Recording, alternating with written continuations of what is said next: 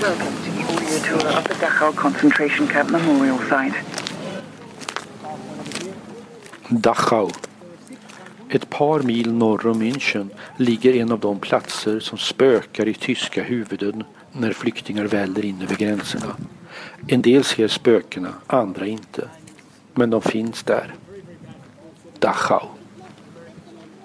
Här inrättade nazisterna omedelbart efter valsegern 1933 det första koncentrationslägret. Här blev den nazistiska mordiskheten systematisk och industriell. Nu är det en plats som skolbarn ska besöka. Det ingår i undervisningen. Här vandrar turister under tystnad och betraktar barackerna, betongstolparna, taggtråden, vakttornen, krematorieugnarna av rött tegel och balkarna i vilka fångar hängdes. SS doctors performed autopsies in the infirmary morgue. The prisoners' medical care in the camp was inadequate from the start. SS doctors usually made little effort to restore the health of a prisoner. Volta Adam reported on the treatment of the sick prisoners. When I look back to try and find the general principle behind medical services in the concentration camp, I can only find one. The more prisoners that died, the better. Ett tyskt dåligt samvete. Man välkomnar människor på flykt som betalning för en gammal skuld som aldrig kan betalas. Jag går över den enorma grusplanen där fångarna ropades upp morgon och kväll. Ibland fick de stå i vakt i timmar som straff. Det knastrar under skosulorna. Bortom taggtråden och muren hör jag vanliga bilar fara på en vanlig gata.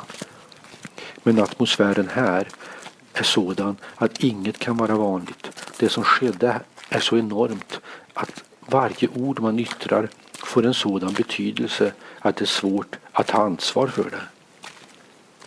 Därför ger de jag talar med ogärna sina namn. En herre i 60-årsåldern, anställd som ett slags vaktmästare på minnesplatsen, börjar ivrigt prata. Se dig om, säger han. Vi skapade platser som denna. Men Dachau pågår fortfarande. I Mellanöstern, i Afrika. Han blir så ivrig att han går fram och tillbaka framför ingången till lägret där järngrinden pryddes av den cyniska lögnen Arbeit macht frei. Arbete ger frihet.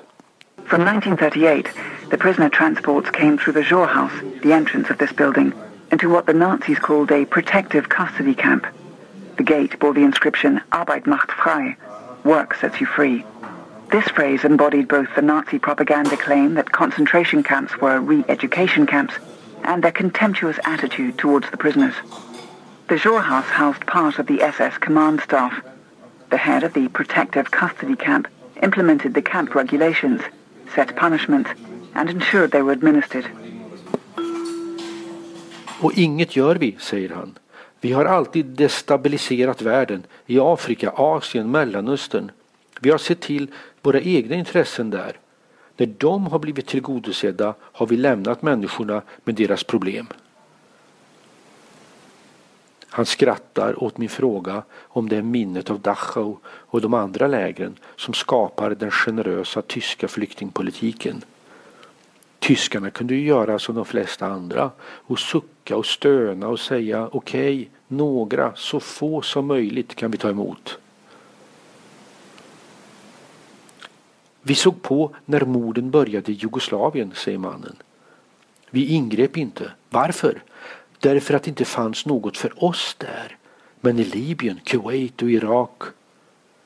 Han böjer sig fram och gnider höger pekfinger mot höger tumme. Där finns det pengar, säger han. Där finns det olja. Han pratar om västvärlden i stort. Han pratar om en rutten värld där mammon styr. Han går fram och tillbaka framför mig. Det minsta vi kan göra är att ta emot flyktingar. Men jag är rädd att vi inte har förberett oss tillräckligt. Vi har inte skapat förutsättningar för dem att integreras och jag är rädd att det kommer ett bakslag. Jag frågar om det är deprimerande att arbeta i Dachau. Han skrattar igen, eller snarare fnyser. Deprimerande. Vilken fråga. Så ber jag om hans namn och då är det stopp. Han har helt privat talat om sina privata åsikter, säger han. Inget namn. Jag möter ännu en anställd och pratar en stund. Jo, Dachau spelar säkert en roll i nationens samvete, säger han. Namnet? Nej, nej, nej. Inget namn. I barackernas trånga sovsalar ekar stegen tunga mot golvplankorna.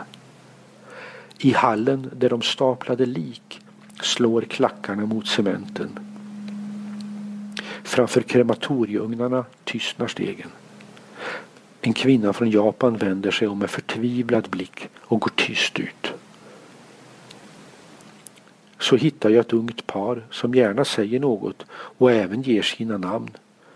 Filip och Helena Kaiser, 25 och 24 år gamla.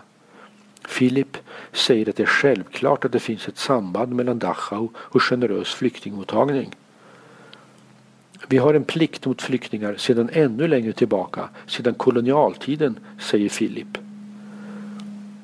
Jag ber att få banda något av vad de säger. Absolut inte. En bild? Nej. Några kilometer bort ligger en flyktingförläggning. Varje tysk stad har en. Denna inrättades under Bosnienkriget för drygt 20 år sedan och skulle vara öppen i fem år. Den är fortfarande kvar. Även här är det baracker, men de är blåa, röda, gula och gröna. Bakom den sista står en röd rutschkana och en gunga där någon hängt ett par shorts på tork. Här bor personer som nog får asyl och sådana som efter lång utredning nog får resa hem igen. En alban till exempel, eller en murare från Senegal som klagar på korruptionen i sitt hemland.